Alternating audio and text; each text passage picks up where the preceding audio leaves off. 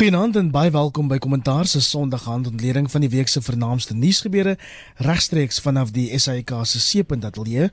Vanaand op ons besprekingslys, Jessie Duarte beskryf haar eie party, die ANC, as rassisties en stamgebonde.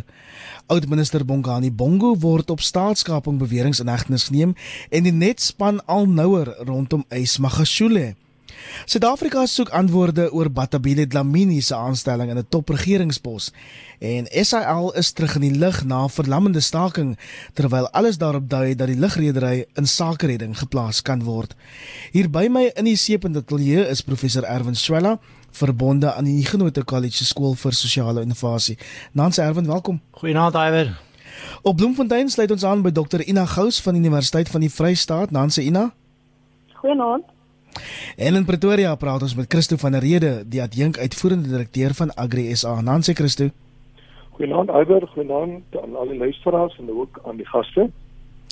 Kollegas, kom ons begin met 'n ontleding van Jessie Duarte se uitsprake. Die ANC se adjunk sekretaris-generaal sê die party is stamgebonde en rassisties teenoor lede en kiesers wat nie swart Afrikane is nie. En Erwin, die uitsprake was gemaak tydens die Albertina Sisulu gedenklesing. Wat beteken dit vir die party as een van sy grootste dogters, een van sy mees loyale comrades die ANC op so heftige wyse kritiseer? Ek dink dit is 'n uh, 'n aanduiding van diepliggende kom ons sê maar kwessies ook binne die ANC. Die ANC is 'n nog 'n nasionalistiese party. Die ANC is beslot van sake die African National Congress. En op verskillende maniere was daar aanpassings in die ANC se denke vanaf 'n swart gedomeineerde African Black uh, party na 'n meer oop nie rassige party maar dit is ook gebeure wat plaasgevind het eintlik hier in die in die in die vroeë 70s laat 60 stadig maar seker het hierdie nuwe idees posgevat. Dit is so dat wanneer 'n mens in 'n situasie is dat die meerderheid in 'n sekere sin 'n bepaalde ideologie kan bepaal dan het dit uiteindelik implikasies ook vir hoe jy dit sien. In 'n sekere sin is dit relatief maklik vir die ANC om nie rassig te wees as dit uiteindelik beteken dat dit nie rassigheid is op die ANC se grondslag met 'n baie sterk meerderheid nie. Ek dink een van die interessante vrae wat 'n mens moet vra is of jy nie juis jou nie rassigheid bewys deur uiteindelik te sê hoe sien jy om na die regte en uiteindelik na die belange van die minderhede nie. En in die sin uh, het mevrou Duarte toe uitgekom en gesê wel hoe sy dit ervaar na soveel jare binne die ANC. En onthou sy sê baie eksplisiet, sy verwys nooit na haarself as na iets anders as 'n mens en as 'n Suid-Afrikaner nie. Maar tog ervaar sy dat daar 'n dominansie is van 'n denkraamwerk en 'n denkpatroon wat uiteindelik sê ehm um, die idee van ehm um, African is 'n prioriteit in hierdie nie rassige uh, debat. En dit kan natuurlik nie wees nie, dis nie bestaande nie. So ons moet verseker vir mevrou Die Hartie daarvoor erkenning gee dat sy hierdie besondere olifant in die kamer aan die orde gestel het en hierdie debat moet ernstig opgeneem word want ek dink ons het almal 'n soeke na groter nierassigheid in hierdie land. Christo, ons het sedert um, demokrasie in Suid-Afrika gehoor hoe baie prominente ANC figure waaronder um, oorlede Nelson Mandela um, nie rassigheid as 'n beginsel as 'n ideaal voorgehou het. Wat is jou reaksie op mevrou Duarte se uitsprake en dui dit moontlik of uh, op 'n verbrokkeling, 'n soort verbrokkeling van die ANC se ideologie? Ja, ewe, ek is uh, baie eerlik as ek vir jou sê ek vertrou haar glad nie. Uh, sy was deel van die Zuma kabinet. Uh, Zuma het um, etiese nasionalisme ten koste van die party bevorder, natuurlik om sy eie uh korrupsie en alles wat daarmee gepaard gegaan het uh, verdoesel. Uh en sy het nie woord gered nie. En nou spring sy die kas uit en verklaar dat die ANC diskrimineer teen bruin mense. Maar wat van wit mense? Uh so uh, ek het geen simpatie met haar nie. Uh ek het ook geen simpatie met die ANC nie. Kom ons gaan kyk maar wat die ANC se behept met uh rasseklassifikasie. Uh en ek dink dit is totaal onwettig binne in die breër uh konstitusionele uh, omgewing waar binne Suid-Afrika behoort te funksioneer. Dit is onwettig om my as 'n kleerling nog steeds te klassifiseer, uh persoon soos professor Evangelia as wit te klassifiseer en dan die term African te reserveer vir swart mense. Asof bruin en wit en swart en indier nie almal Afrikaners is nie. En die groot groot groot hartseer oor is dat hierdie uh, obsessie met uh, rasseklassifikasie en met uh, die najaag van uh, demografiese ehm uh, tekens dan moet soveel persent ek het net vandag toevallig gelees ek uh, Sanral se verslag en daar word gespog. Ons uh, staan nou op 87% swart. Wat van die res van die bevolking nou hierdie uh, het dit met uh, met met met rassetekens het ons land op 'n ongelooflike afdraande pad geplaas in terme van dienslewering in terme van ekonomiese groei en ook in terme van menseverhouding. So nee wat die ANC en Jesse Duarte in uh, spesifiek uh, moet maar uh, jy weet uh, deel met hierdie uh, uh, of hulle moet maar op daai bed slaap wat ons op op maak. Want as hulle voortgaan met hierdie tendens, gaan dit die land nog net verder hier te staan kom. En dis presies waarteen Jesse Duarte ook waarsku. Ina in hoe mate het die feit dat die ANC sy rug op sy nie swart lede en kiesers gedraai het, ehm um, sy eie sukses, as ek dit kan gebruik, negatief beïnvloed en moontlik dan die oppositie versterk. Ja, ek dink ehm um, soos wat uh, my kollega sê, dit is 'n moeilike situasie om na te kyk. Die uh, spesifiek wat wat Jesse Duarte aanbetref wat haarself 'n uh, weet 'n radgebaseerde agenda gehad het in binne in die ANC nou totdat dit blyk dit nie meer tot voordeel is van haar en en en en en baie mense nie. Nou ek het uh, al baie gelees uit uit vele geleerdere is daar gesê dat as party die ANC uh, blyk om te weier uh, om met die geskiedenis van baie mense, die Khoisan volke en die geskiedenis van slawerny en dis meer betrokke te raak. En ons het gesien die Khoisan leiers wat vir weke lank voor in die geboue gesit het in protes omdat daar nie aandag gegee word aan die feit dat hulle eers volk is en dat hulle grondeise geïgnoreer word. So die as ek nou anti-nasionalisme vir verblind hom vir uh, die geskiedenis en die stryd van ander etniese groepe in en politieke neigings. So die obsessie met sterkstellende aksie op grond van nasionale demokrasie en nadelige uitwerking gehad op spesifiek bruin mense wat my aanbetref. So as mens spesifiek kyk na die Wes-Kaap, dit word nie aangehelp deur die berigte opmerkings van van destyds van Deni Manje dat daar te veel kleurling in die Wes-Kaap is. Dit kom met ANC geredere. En hy was op daai stadium sentraal daar binne by betrokke. So sulke beleidsrigtinge en woorde dat die ANC moet bekendwaardig wees vir mense wat hulle gebrek aan nasionalisme uh jy weet baie effektief tydens verkiesings gebruik en dit word nie altyd erken nie en selfs die DA soos wat jy nou gesê het, uh, jy weet hulle het definitief voordeel getrek. Um uit die situasie tot op 'n punt. Maar um dit moenie voor aanliggend word en dit moenie net aanvaar word as as as steen wat altyd daar gaan wees nie. Hierdie hierdie hierdie stryd binne in die uh, sosio-ekonomiese omstandighede en spesifiek in die Weskaap moet moet erken word en op baie spesifieke maniere benader word. Ek is daarom dankbaar dat ons nou en verder is dat ons nie meer terme gebruik soos wat Jimmy Manje gebruik het, byvoorbeeld deur van kleerlinge te praat vir brein mense in die erwen. Jy wou sê Ja, en en en dan ook uh, om te sê die mense moet eintlik maar verhuis van waar hulle was om uh, die demografiese patroon te verander nie.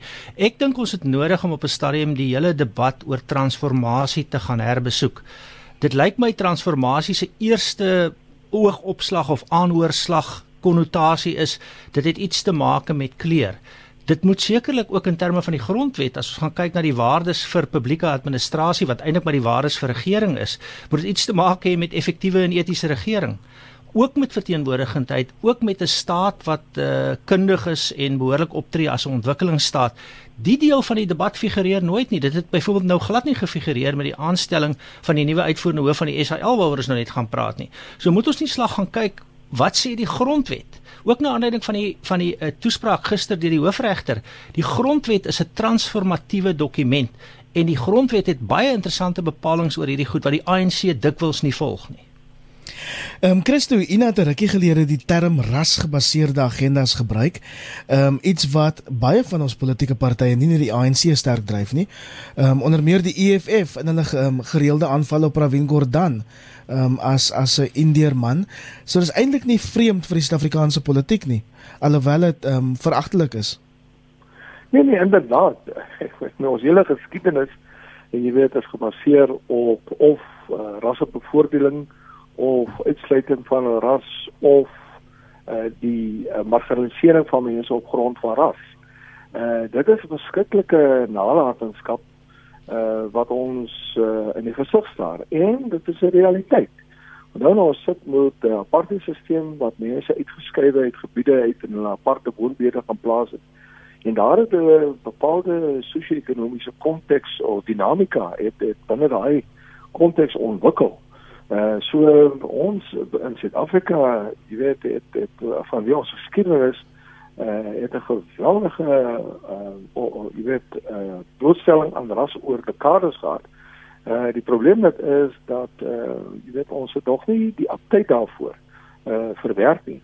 En uh mense gebruik dit om hulle self polities te bevoordeel, mense gebruik dit om hulle self ekonomies te bevoordeel. Maar my vraag is wat dan van die waardes in die nasionale grondwet? Die nasionale grondwet praat van die rassigheid, dit praat van 'n nie seksistiese samelewing. Dit praat dan van 'n meer gelyke samelewing 'n geleentheid te oop samelewing 'n uh, 'n 'n uh, samelewing wat op reg en geregtigheid gebaseer moet wees. Moet dit nie ons fokus wees nie. In plaas van hierdie voortdurende teruggryp na ehm um, ras uh jy weet 'n uh, ras ge, gebaseerde onderbou wat hierdie land net deur en deur skade in die verlede uh, uh, berokken as soos ons vorentoe gaan en uh, ook verskriklike skade berokken in die verlede.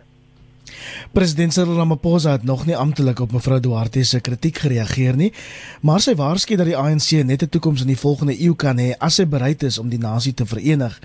En intussen span die net al noue rondom vermeende staatskapers. Die valke het die week 'n rits mense in hegtenis geneem op aanklagte van korrupsie en Ina dit sluit Bongani Bongo, die voormalige minister van staatsveiligheid, um, deesdae 'n senior ANC LP in. Is dit aanduidend dat daar uiteindelik teen die trogvreters opgetree word wat wat ons staatskas by staatskas bygekom het? Ek wil graag so glo. Ek dink daar is vir ons gevra om maar weer eens geduldig te wees uh vir die nasionale volkingsgesag om onder die nuwe leierskap um jy weet dat dit tyd te neem om hierdie sake behoorlik bymekaar te sit sodat wanneer die arrestasies gebeur en sake begin voorkom dat hulle gereed is ten volle gereed is en nie weer soos met die Justina projek um, voorheen um, die die sake moet terugtrek nie. So ek wil graag hê dat dit nou by 'n punt begin kom waar daar uh, jy weet uh, vordering gaan kom om hierdie mense aan die pen te laat ry.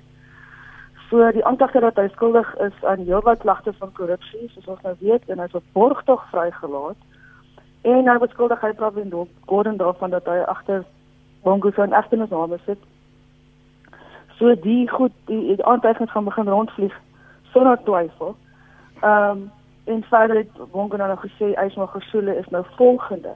Hy was weer wel, hy's nie in hegtenis geneem nie. Maar hy het gevra om my Kiva terug te kom waar hy beweer hy behandel is vir het hy vergiftig. Maar ek weet nie hoe iemand moet aansoek doen en betaal vir borgtog as jy nie gearresteer is nie. Maar goed, dit is nou seker 'n ander saak. Maar ons weet dat die nasionale volksversak is nou gereed om die Istina saak weer voor te bring en dan is Sandy Gupta en vele Vrystaatse provinsiale amptenare.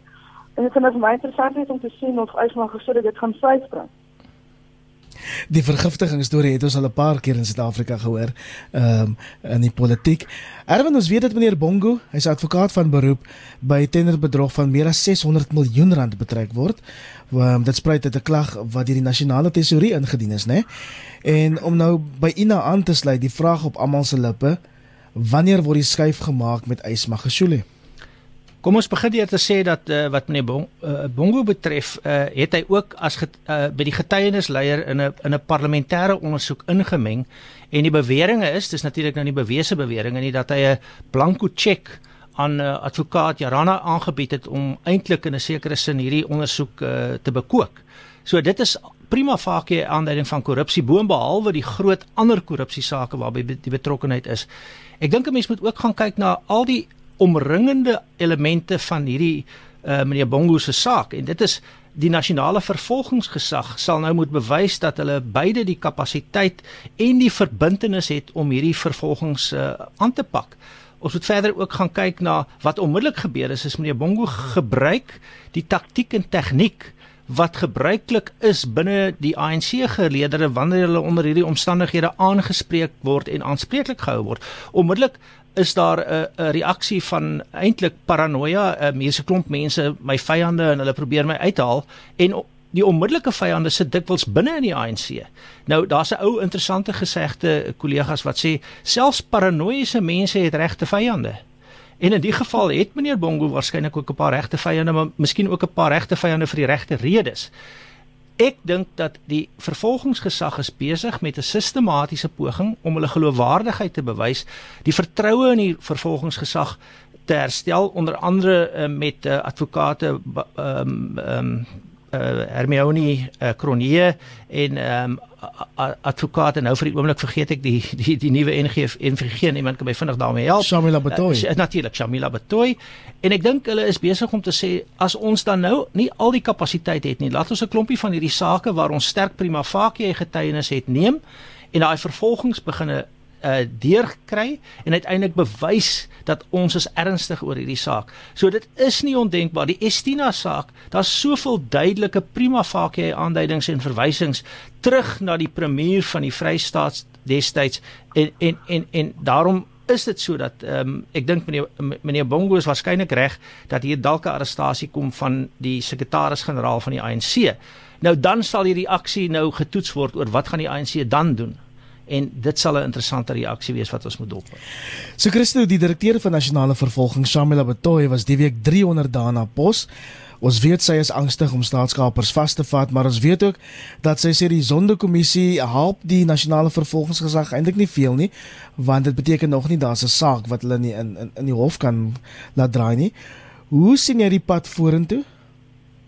Ehm uh, ander dis volgens my 'n vreemde uitspraak. Uh, jy weet dat die dat sy tot daai gevolgtrekking kom dat die sondekommissie haar nie help nie. Feit van die saak is die sondekommissie is nie 'n vervolgingsgesag nie. Uh sy en haar span moet hulle werk doen waarvoor hulle aangestel is. Nou ek weet hulle lê aan 'n gebrekkige kapasiteit in die organisasie. Uh maar dit is nie verskoning nie.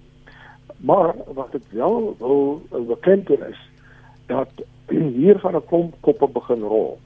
Ek dink uh, president Ramaphosa uh, samewerking met die nasionale vervolgingsgesag en al die ander instellings het uh, baie baie goeie idee. Wie is verantwoordelik vir die grootskaalse korrupsie in die land? Uh ons gaan ook uh, toenemend sien hoe SARS ingespan gaan word. Want in baie gevalle is dit baie moeilik om te bewys, jy weet, wie is deur wie betaal. Dan mense betaal mekaar op verskillende wyse. Maar ek dink SARS gaan op grootskaal ingespan word om 'n hele klomp van hierdie mense bloot te lê. Eh uh, so ons gaan nog baie verrassings sien eh uh, in die toekoms in. Maar weet jy my baie vergewend hoe die skeye binne die politiek in die uh, politieke landskap gemaak word. Byvoorbeeld hoe Patapile Dlamini nou weer teruggebring word eh uh, om vir eh uh, minister Lindiwe soort te ondersteun. So ek dink die ANC uh, of onder leiding van president Ramaphosa veral uh jy weet daar is belangrike skuwe wat polities gaan plaas om vorentoe, maar daarmee saam gaan hulle ook diegene wat verantwoordelik is uh, uh, vir grootskaalse korrupsie, jy weet bloot lê. Maar hulle is baie strategies want hulle weet uh, hierdie goed kan vir president Ramaphosa groot groot uitdagings in vorentoe. Ina, jy wou sê? Ekskuus, uh, ja, ek net inkom en sê dit is uh, ook interessant wat ek wat gewoonlik gebeur in gevalle soos hierdie dat jy eintlik nie meer weet wie vriend of vyand is. Sodra iemand is Mongani Bongo in hegtenis geneem word en hy sien die saak teen hom is baie sterk. Jy weet dan begin uh, hulle getuienis lewer teen net kollegas, teen ander mense binne die netwerke, een na die ander en dit versnel 'n proses as die saak teen die teen die teen die aan van die begin af baie sterk teen die wat gaan volg. Ek dink daar's baie mense wat vanaand sit onder andere dink ek hy's nog gesoek en baie baie bekommerd. En dit laat my dink aan iets wat Batabile Dlamini waarskuwing wat sy op die kruin van haar politieke loopbaan ehm um, uitgereik het wat nou nog toe in die ANC weer klink het en nou julle sal daai woorde onthou van die small and nyanya skeletons nê. Sy het gesê almal van ons in die nasionale uitvoerende komitee het geraamtes in die kas en ons wil nie die geraamtes uit die kas haal nie want alle hel sal dan losbreek. En dit was toe sekerlik die geval die week met Bongani Bongo se onegtenisneming. En dan voor ek na die res kom Het jy groter konteks oor Batabile Dlamini se nuwe rol die um, pos wat wat sy die week aangekondig is? Wat gaan sy nou eintlik doen? Wel, sy is nou die voorsitter van die eh uh, reguleringsowerheid vir die maatskaplike vir maatskaplike behuising. Ehm um, wat natuurlik nou vol in die departement van behuising van Winterhuis. Ehm die punt is dat dat groepe arme mense wat met huise kry en sy kry nou 'n 1 miljard miljard rand se begroting om dit te doen. Nou ek weet onder omstandighede is daar mos nou geen logiese manier wat 'n mens haar kan vertrou met hierdie taak of hierdie geld as mens kyk na haar geskiedenis um, as as amptenaar. Jy weet sy dis 'n persoon hier wat onder andere skuldig bevind is dat sy die konstitusionele hof mislei wat 'n departement wat miljoene Suid-Afrikaners se bestaan wat met beheer in gedrang gebring het en die departement sosiale ontwikkeling binne lank gelê. So mense soos Andile Gumede wat afgedank is as burgemeester by Tekweni verdedige aanstel. So wat 'n mag het sy na dit alles nog? Dat hy dit sou haar nodig het en selfs behulpsaam sou ag in enige veldtog of beleidsrigting of amp en en funksie wat sy na die departement wil hê. Ja, so Patabile Dlamini kon nie eintlik iets veel uitrig met staatstoelaas nie. Nou moet ons aan vertrou met die behuisings um, krisis erwin. Ek dink uh, dit is absoluut 'n geval van die dilemma weer eens wat uh, gebeur as gevolg van die totale politieke konflik nie tussen die ANC en ander partye nie, maar binne die ANC. Die ANC is to, is eintlik tot 'n groot mate verlam deur al hierdie politieke faksiegevegte en die verskillende posisionerings en ons moet nou onthou dat die dat die uh, the stakes are very high hier.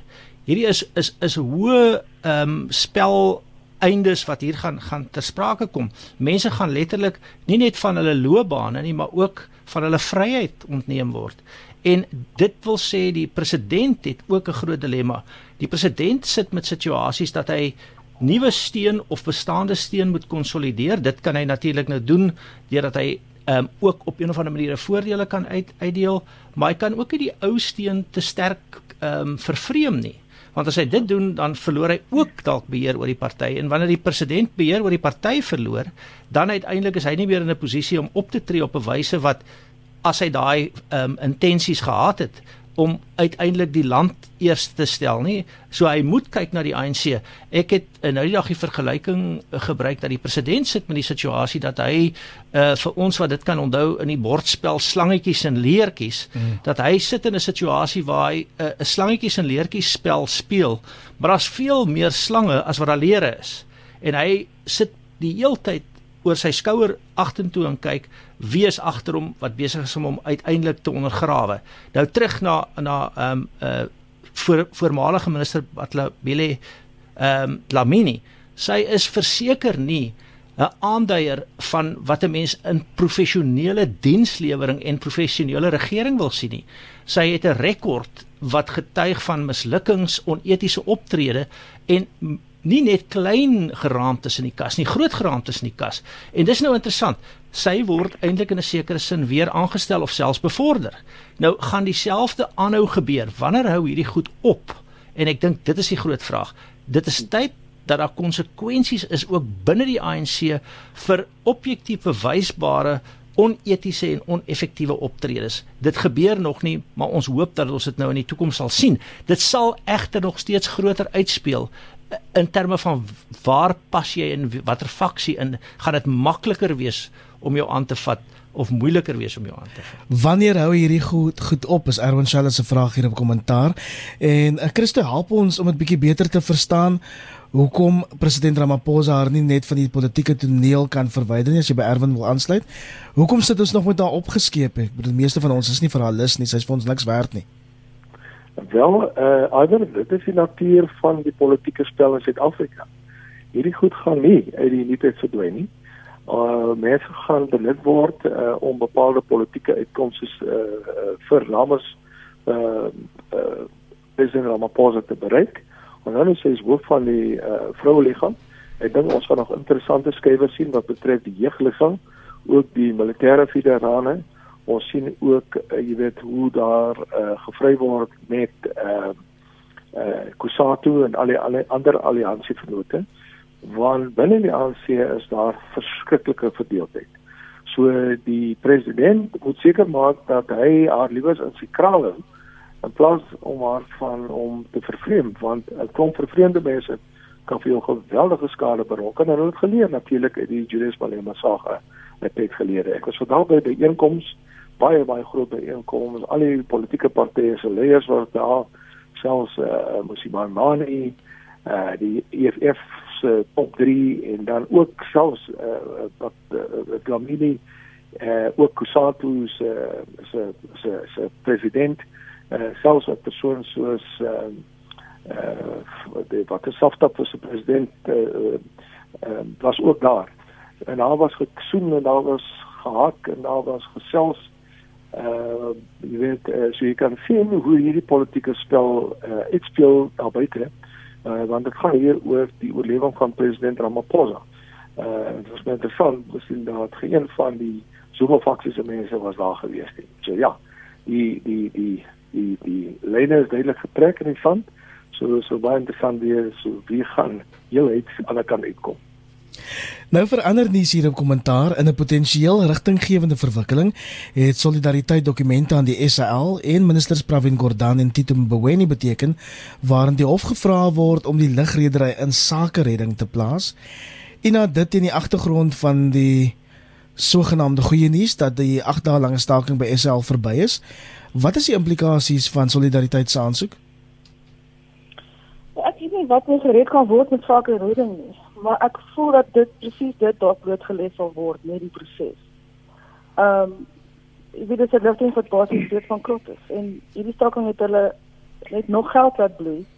En die interessante ding vir my is dat daar aan die een kant van die bestuurskant is alweer dat daar nie genoeg geld is om die firma se salarisse te betaal nie. Maar dat daar salarisse inkom bereik is met die een. Dit is vir my 'n vreemde situasie. Dit maak nie sin nie tensy die regering weer eens reddingspakket wil hê wat nou blyk die geval is. So die belastingbetaler gaan nou weer eens opdog vir 'n onderneming wat nie meer volhoubaar is nie. En die fokus bly te wees op die SAL bestuur wat die ligdiens afgelope paar jaar behoorlik lam gelê het met swak bestuur en korrupsie. En die fokus moet volgens my ook wees op die unies en hulle verantwoordelikheid. Dit kan nie net gaan oor om die status quo te behou nie. En elke jaar verhoor salarisse te betaal nie Hulle moet vooruitdenkend begin word. sien waarheen 'n bepaalde sektor of 'n industrie beweeg en hulle lede daarvoor begin voorberei met heropleiding of moontlikhede in ander sektore ensovoorts. Om geld te wil tap uit 'n onderneming wat op die rand van 'n instort staan en vir wie baie dink dit is reeds ineengestort, is net nie rasioneel nie. So ek weet nie waarheen dit gaan gaan nie. Waar sal ons hulp met Eskom vandaan kom Erwin? Wel in al die gevalle die SAL ja SAL uh, SAA in al die gevalle uh, is die eerste punt wat 'n mens moet maak hier is nie meer 'n saak nie. Hier is nie 'n saak uit te maak vir sake redding nie en daar's ook nie 'n saak waaroor 'n mens of waarvoor 'n mens sake redding kan doen nie. En as ons hier nou gaan kyk het ons die herhalende verskynsel. Hier het ons ehm um, die voorsitter van die S, uh, van die SAA se direksie vir baie jare was 'n uh, uh, mevrou Dudu Meyeni op dieselfde manier aan die gang gehou en ek dink dit kom terug na hierdie idee van wat is transformasie. Dit lyk my waarin ons slaag is is om staatsinstellings uiteindelik in 'n proses van soogting en faling in te dryf met 'n definisie van transformasie wat uiteindelik sê dat jy hulle totaal in oneffektiwiteit en onetiese optrede in transformeer.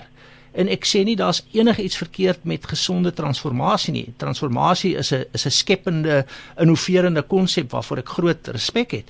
Maar ons moet 'n slag gaan kyk wat bedoel ons met transformasie? Bedoel ons verteenwoordigendheid ten alle koste? ten koste ook van etiese en effektiewe uh korporatiewe bestuur en en en regering. So ehm um, die die die is hy het ons regtig nie nodig nie. Daar is eintlik nie is hy nie. Dis 'n dis 'n staatsorganisasie wat op hierdie stadium eintlik in teenstelling met die vereistes van goeie korporatiewe regering en die maatskappywet ehm um, bedryf word want hulle het vir 2 jaar nie state ingedien nie. Hulle is funksioneel nie 'n uh, wat genoem word 'n lopende saak nie. Daar behoort eintlik teen hulle ook optrede te wees deur die nasionale vervolgingsgesag want hulle oortree elke dag letterlik honderde artikels van die maatskappywet en uiteindelik behoort hulle net hulle behoort nie eintlik van die grond af op te kom nie. Net daar bly. Hulle vlerke moet geknip word, Christo.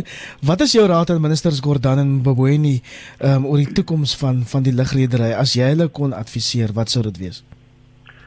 Dis weer 'n geval van uh, die politieke uh, uitkomste word eers gestel oor die ekonomie en as niemand van hulle nog kennis geneem het van Standard & Poor's se verklaring en dit was Vrydag aan waar hulle die uh, vooruitsigte dan negatief aangepas het nie dan uh, is ek uh, bevrees dat uh, ons kortvoorlange rommestatus gaan bereik as 'n land.